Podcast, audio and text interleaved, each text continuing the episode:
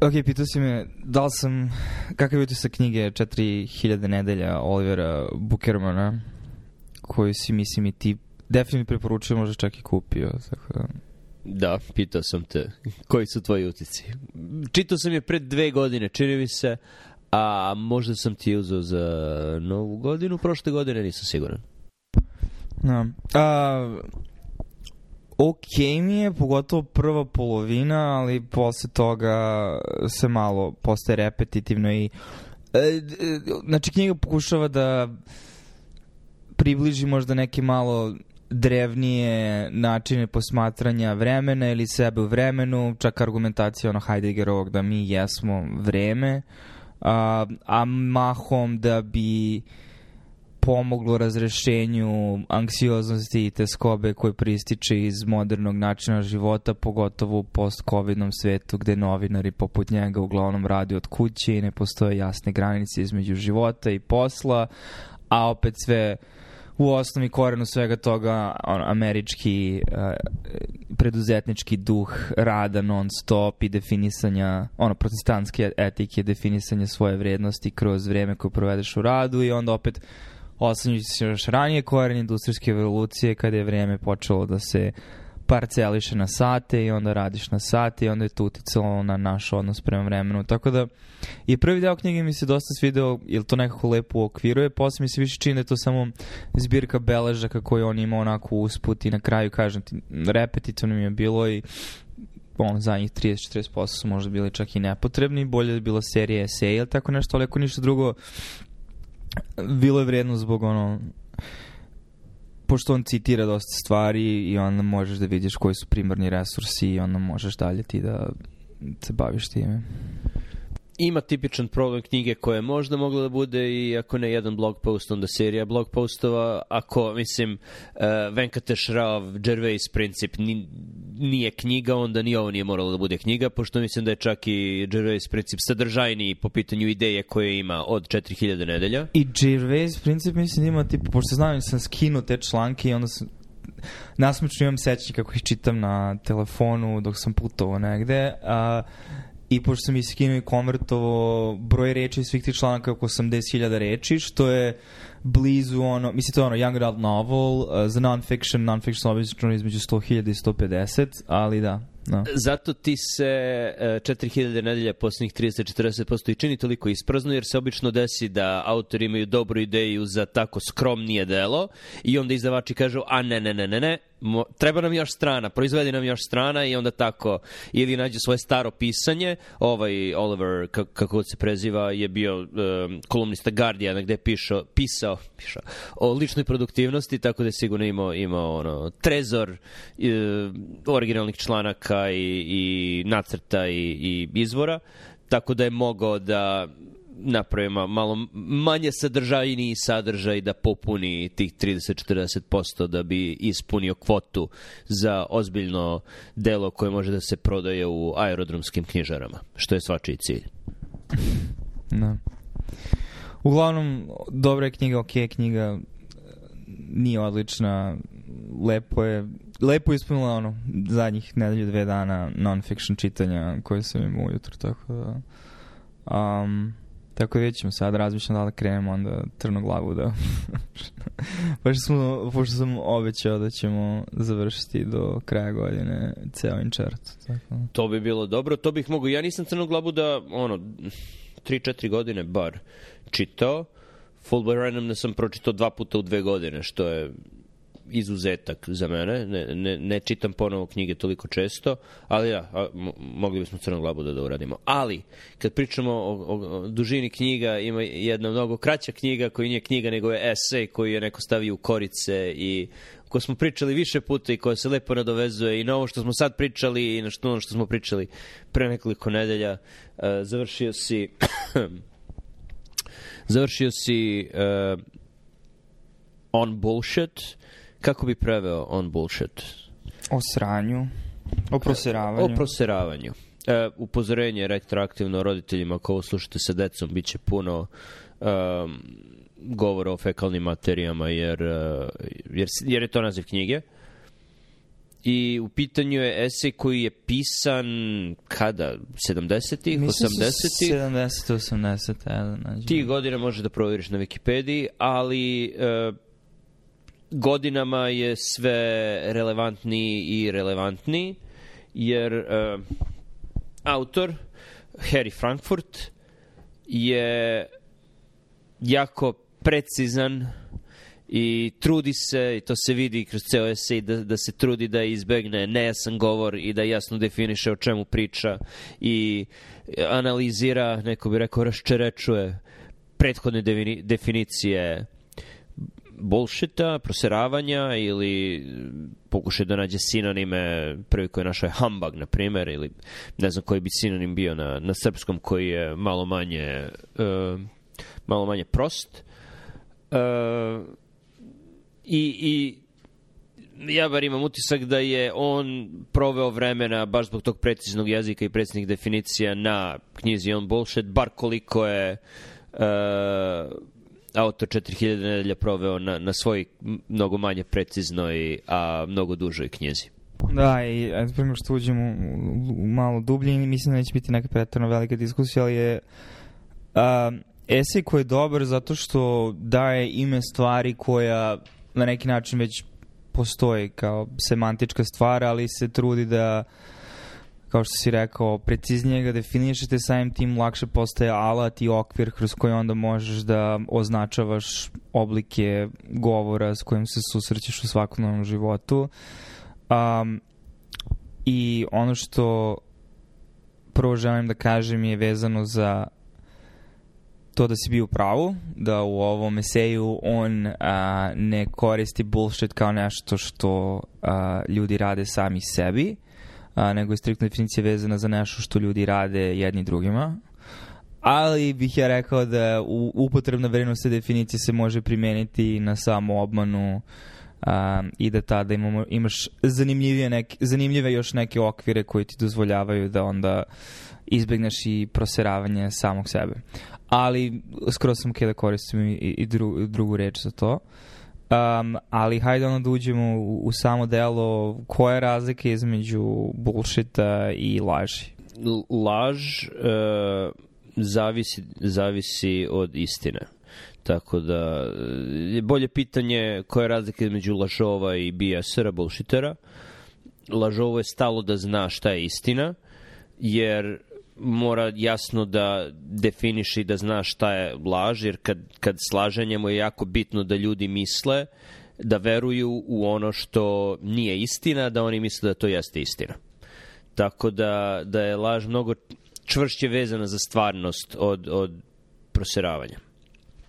Zato su laži generalno mnogo teže, i zato ljudi koji su patološki lažovi moraju da jako bode računa o tome koji su laž rekli kome, kada i to postaje jako, jako komplikovano. Tako da, ne, ne znam, tipičan primer uh, muškarca koji ima pet paralelnih veza sa ženama i mora da prati i da laže jednu drugu šta rade i kad radi i kako radi, ili žena sa pet različitih muškaraca, ne znam kako su sad situacije, ili, primjer u vestima sada, George Santos koji je uh, republikanski kongresmen iz Njujorka, koji je nedavno je otkriveno da je lagao u vezi gomile stvari od toga da li su njegovi preci jevreji, do toga da li ima američko državljanstvo i da li je služio američkoj vojsci sa tačno preciznim nazivima jedinica i vremenom kad je služio. I sad se razotkriva to klub kolaži gde se vidi da ništa toga nije istina.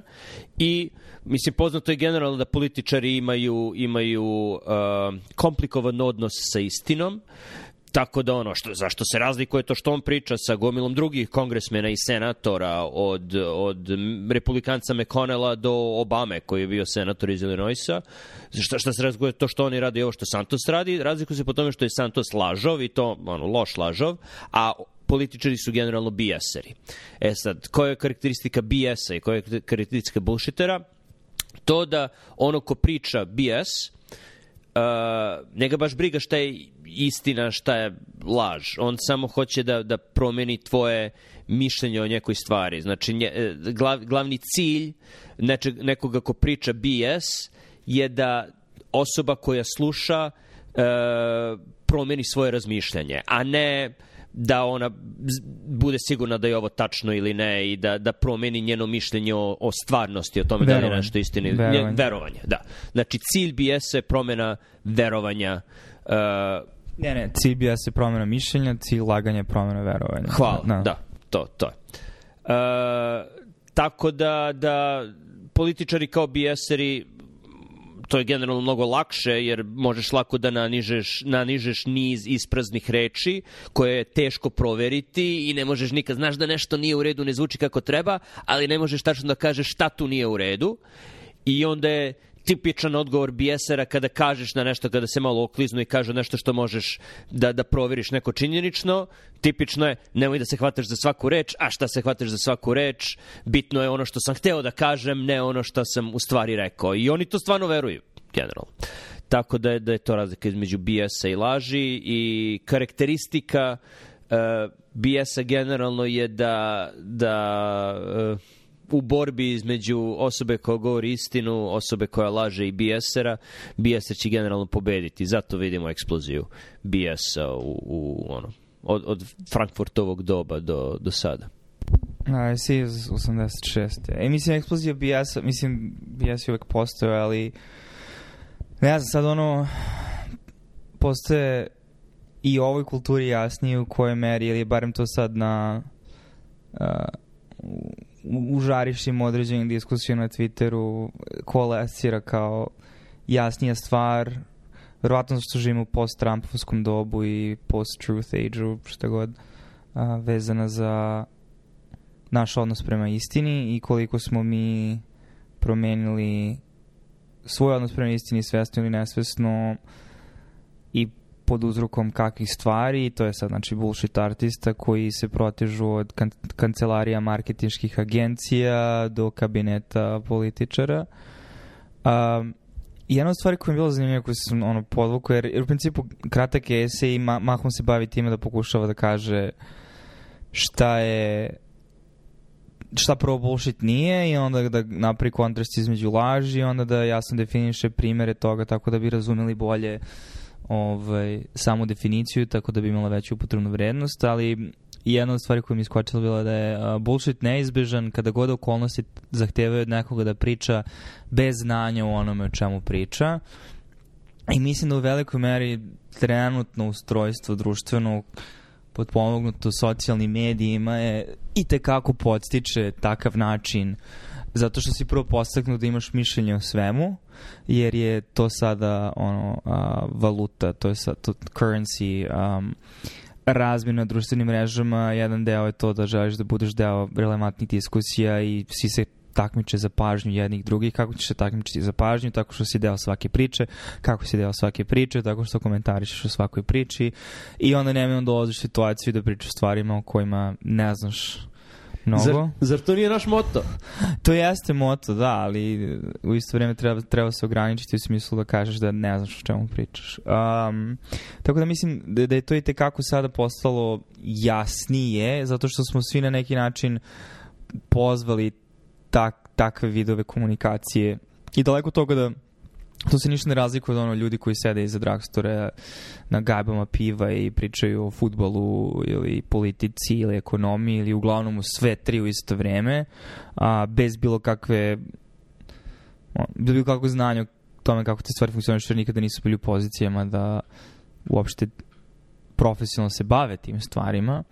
Um, ali sada je to deo svakodnevice na tom nivou da više se ne zna ni da li to ono novinari bullshituju, ni da li to bullshituju on, ljudi na vrhu im institucija, zato što oni pričaju o stvarima koje ne znaju i drugo sad je mnogo veći a, mnogo, veća, mnogo veće iskušenje za ljude zato što ih mediji ili podcasteri ili lava pozivaju da budu i da komentarišu o različitim temama kojima pojma nemaju i onda ljudi uglavnom nemudro pristaju na te stvari, uglavnom nemudro komentarišu o tim stvarima i jako redko ćeš zaista naći situaciju da slušaš da neko priča o nečemu i da kaže pa znate ja baš ne znam ništa o tome. Uvek će neko, uključujući i nas, mislim, imati mišljenje na svaku temu.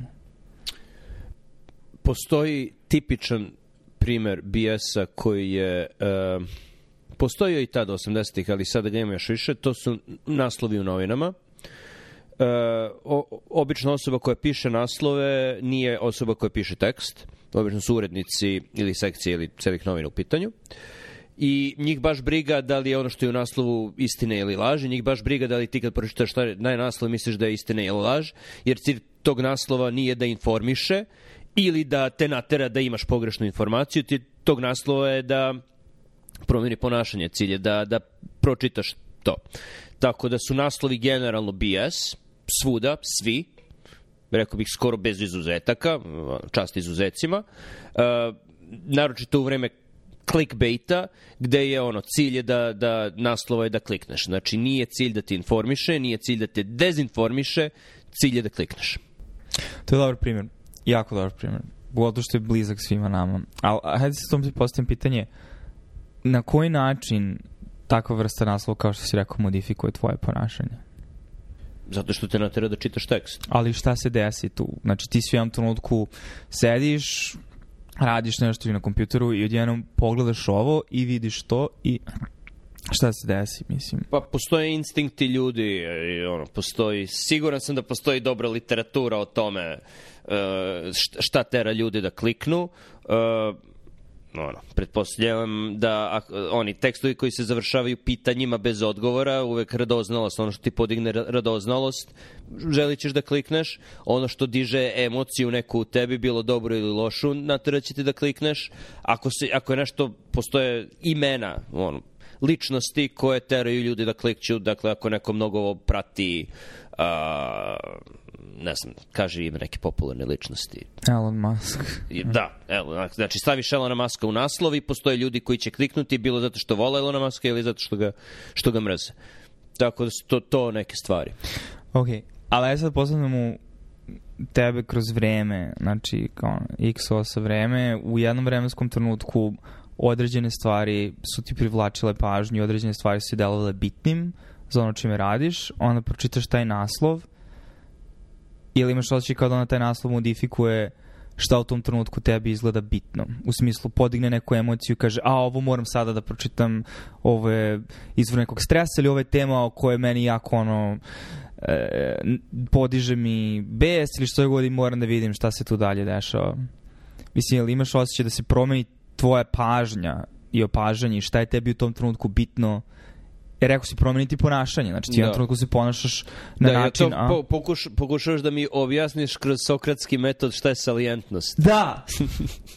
da, pa ne znaš si rekao da skoro još uvek da imaš modifikacije tvog saliency landscape Znači onoga da, što da, ti je da. bitno u trenutku, onoga što ti je vidljivo, što ti je upipljivo, što ti privlači pažnju. Odjednom nisi ni razmišljao pre pet minuta na koji način će Elon Musk da upropasti planetu i sad odjednom on će da propasti planetu i ovo su informacije koje moram da... Da, da, da. Da, da. ok. Um, da, mislim, i to je sad ono taj moment da živimo u dobu bullshit artista i na duže staze mislim, ba je moje neki komentar, ja se ne pre komentare na tu temu, sam se trudio da usko definiš, ali to je da o, živimo u društvu koje to, to je proces koji na neki način samog sebe podstiče, jer vidiš da ljudi mogu u društvima da budu nagrađivani za takvu vrstu ponašanja, jer kao što si rekao, postoji određen nivo um, sive zone gde možeš ipak da se ogradiš kao, a ne, ne, nisam ja to rekao, ne, ne hvatajte se baš za svaku reč, um, a opet možeš u isto vreme da kaže stvari na način na koji će ti onda ljudi dati pare ili poziciju ili te staviti u situaciju koja će biti bolja u odnosu na pređašnju situaciju a, zahvaljujući tom bullshitu i onda dođemo u situaciju da ono fake it you make it je izjava koja je ono a, mislim je sve prisutna i to na kom načinu, u kom trenutku i, ono, prestaješ da fake it i u kom trenutku stvarno radiš nešto i mislim da se osjećaj toga polako pomera, pogotovo u doba ono... Pa ne znam, mislim, sad smo bili u Mehuru, možda se taj Mehur sad završao, ali barem što se tiče um, stvari vezanih za internet tehnologije, software, znači start-upove vezane za blockchain, um, gomila, gomila ovaj, on, dima, ili kako već mislim. Ima ima izreke na srpskom koje koje dobro mapiraju na to. Da, uh, po, pokušavaš da da upotrebiš ono što je hot air, on koristio kao vruć vazduh, da, kao da, ekvivalent da. BS-a. Da, da. da. Uh, smoke and mirrors i slične da, stvari. Da, da, ima, ima sigurno neke izreke na srpskom. Ono. Da. Desla se gora, rodio se miš, ali nije u potpunosti to to, je- to, to je više kad vidiš. Da, da, da. Ali hype nekada jest, mislim, hype je i bullshit, tako, Da, da. mislim, da. Može da bude podvrsta. E, drugo, znači to su naslovi. Druga oblast gde je predominantan BS i ono, gde, gde se ljudi često pitaju da proizvedu nešto o čemu ne znaju ništa. Škola, obrazovanje, gde u Srbiji srećom to nije bilo prevalentno ono, kasnih 90-ih, ranih 2000-ih, kad sam ja bio u školi, u ne, celih 90-ih i ranih 2000-ih, sada možda jeste, ali način, glavni način na koji e, profesori ovde u srednjim školama i na koleđu ispituju znanje svojih studenta su eseji. Znači, ne usmeno odgovaranje, to ovde ne postoji. Znači, ne znam, im- imam dete koje je sad peti razred, nikad nije to uopšte nije ono da te neko izvede pred tablu, da pričaš, odustaneš i odgovaraš, to ne postoji. Imaš esej gde treba da napišeš, i to nije napiši šta znaš, nego proizvedi mi dve strane o ovome to je u petom razredu, a ono, proizvedi hiljadu reči o ovome u srednjoj školi i, i na koleđu. I ti ako imaš kvotu reči u oblasti u kojoj treba da naučiš, znači ima ljudi koji neće toliko dobro da nauče, naravno da, da, da, da je to veliki podst- podsticaj da, da proizvedeš BS.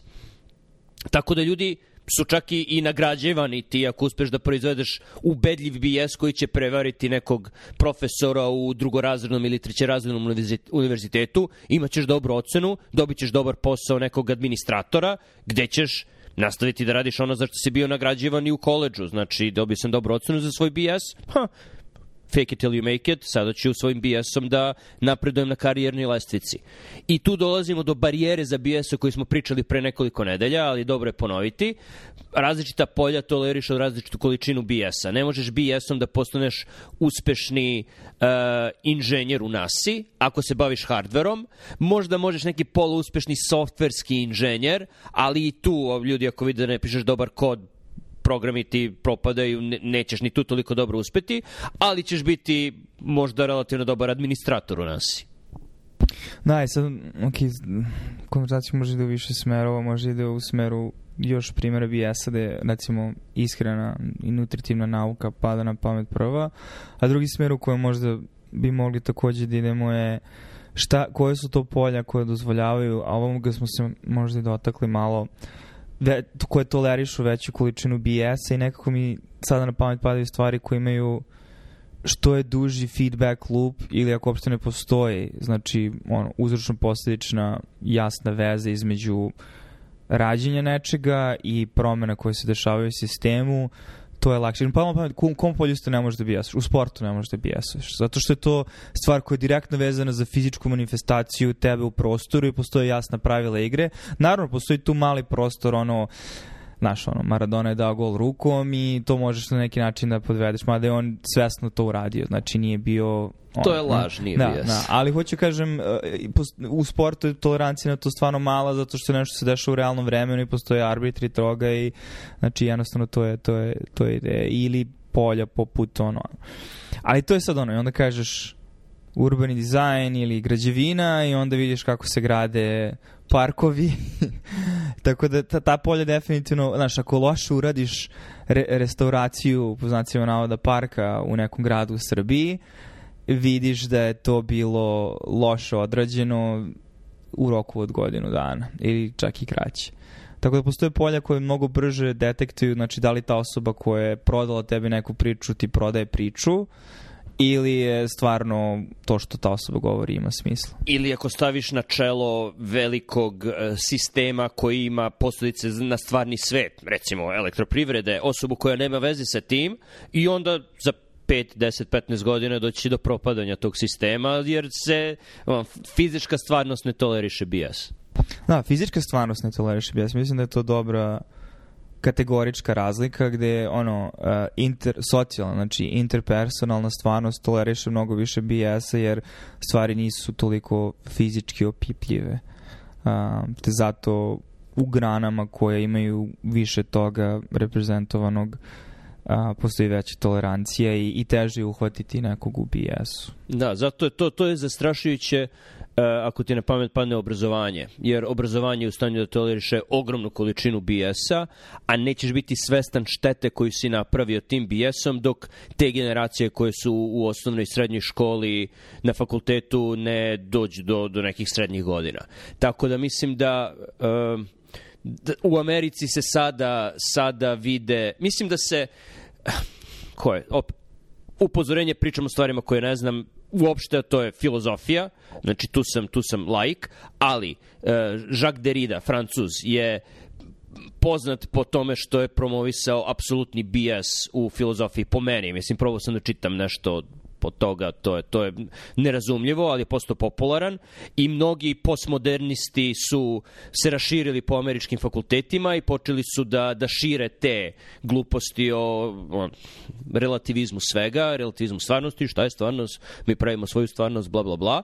I sada su ta deca koja su slušala te profesore i sami postali profesori i sada vidimo drugu ili treću generaciju toga kako se promulgira, ako je to prava reč, ili stvarna reč čak, I, I mislim da veliki deo problema koji, koji sada postoje, čak i ono opipljivih zdravstvenih i mentalnih problema koji postoje, su posledica te infiltracije deridine filozofije u američki obrazovni sistem. Da, da, mislim, poststrukturalizam ili kako već, znači stvari koje, postmodernizam koji relativizuje stvari ono umanjuje značajnost stvari koji su česte na uštrb da se promoviše stvari koji su manje česti i periferne i stavlja ih u, zato što je sve jednako, to je ono, ontologija koja je flat. Znači sve stvari su jednake, ne postoji hierarhija vrednosti, ne postoji hierarhija ponašanja, opet to se tiče onoga da se to onda manifestuju društvenim kontekstima u smislu uh, primjer koji smo koristili ono, ja sam alkoholičar i to je moje pravo i ti mene ne možeš da sada zbog toga i ne možeš da me otpustiš zato što sam alkoholičar i ne možeš da me, jednostavno to je moj identitet i onda samim tim relativizacijom svega toga dolazi do problema što onda jednostavno urušavaš društveni poredak, ne, ne možeš da imaš progresivnu kooperaciju kada agenti koji učestvuju u tome se ne slažu oko definicija koji oblik ponašanja je najoptimalniji da bismo stigli do nekog cilja. Nego se vrednuje svačije viđenje koje može biti totalno drugačije. I ne kaže da ne postoji prostor za diskusiju i dijalog kada se re, restrukturišu stvari, ali mislim da smo sada u nekom tom zbunu toga da na nekom nivou uh, I, i, i dalje smo u tome i toga i, i, to, toga, i, i na radnom mestu i, i zanimljive kontradiktornosti između stvari koje vidiš koje se promovišu kao neke vrednosti a onda napraviš dva koraka dalje da to ne bude samo radionica i da to ne bude samo ono stvar na kojoj prisustvuješ da bi ja to ispunio kvotu nekog departmana koji se bavi a, različitim oblicima pokušaja izjednačavanja svih nejednakosti. A, napraviš dva koraka u budućnosti i kažeš ok, kako bi to izgledalo u potpunosti u praksi, ako dovedeš do logičnog zaključka i shvatiš da bi dovelo do potpunog urušavanja, jer drugo što takvi oblici razmišljanja dovode do toga da ti lako sam sebi možda relativizuješ sve stvari i onda dovedeš sebe u stanje potpunog haosa. To je dovodići taj način razmišljenja opet upozorenje kome ne znam baš puno ali haha uh, do svog logičnog zaključka.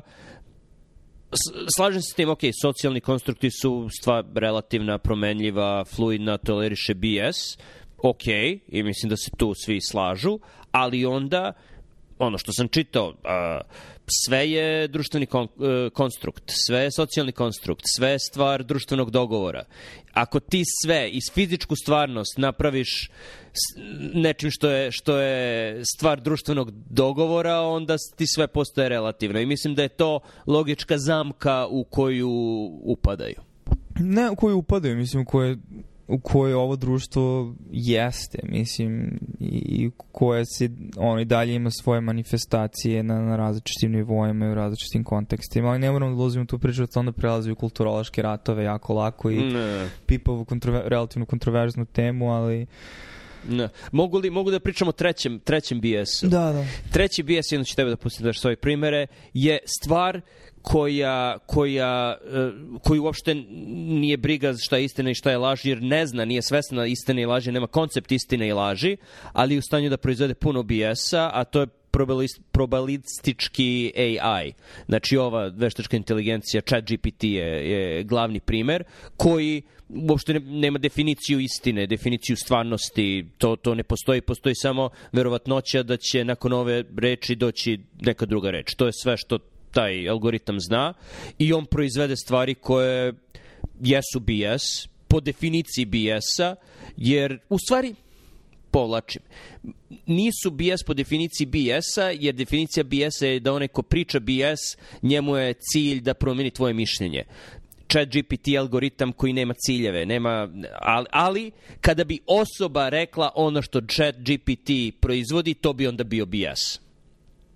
Ne znam da li to ima, da ima, ima, ima smisla. Ima smisla, pogotovo kad shvatiš da ono, BS je uh, u drugoj dimenziji u odnosu na istinu, to je da elementi BS-a mogu biti i istiniti, a, ne moraju apsolutno biti lažni, poenta čitave samo a, neutralnosti po pitanju istine, znači da ta dimenzija ti uopšte nije bitna i da, to je sad ono, ChatGPT je oruđe koje ima mnogo potencijala ili mislim generalno, znači veliki jezički modeli, jer sad će izaći GPT četvorka koja je trenirana na mnogo većem a, mnogo većoj količini teksta. Um, veći problem će biti između svega toga, znači olakšat će mnogi elemente kognicije koje nama mogu da budu zametni i dosadne, to je reformulacija reči, saživanje stvari, um, pronalaženje stvari po forumima koje neko negde stavi u nekom zapećku jer ti treba parče koda, kod u mom kred slučaju za R, zato što hoćeš da napraviš neku ovaj, grafičku reprezentaciju.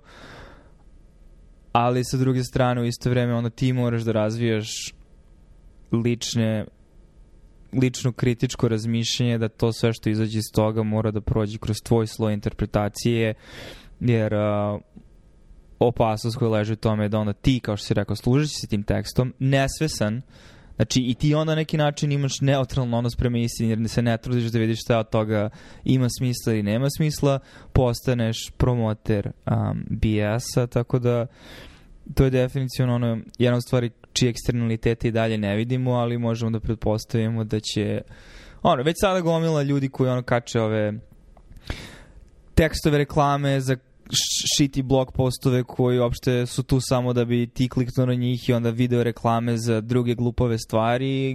Dosta tih tekstova sada počinje da se piše kroz to, jer to je jedan repetitivan glup posao.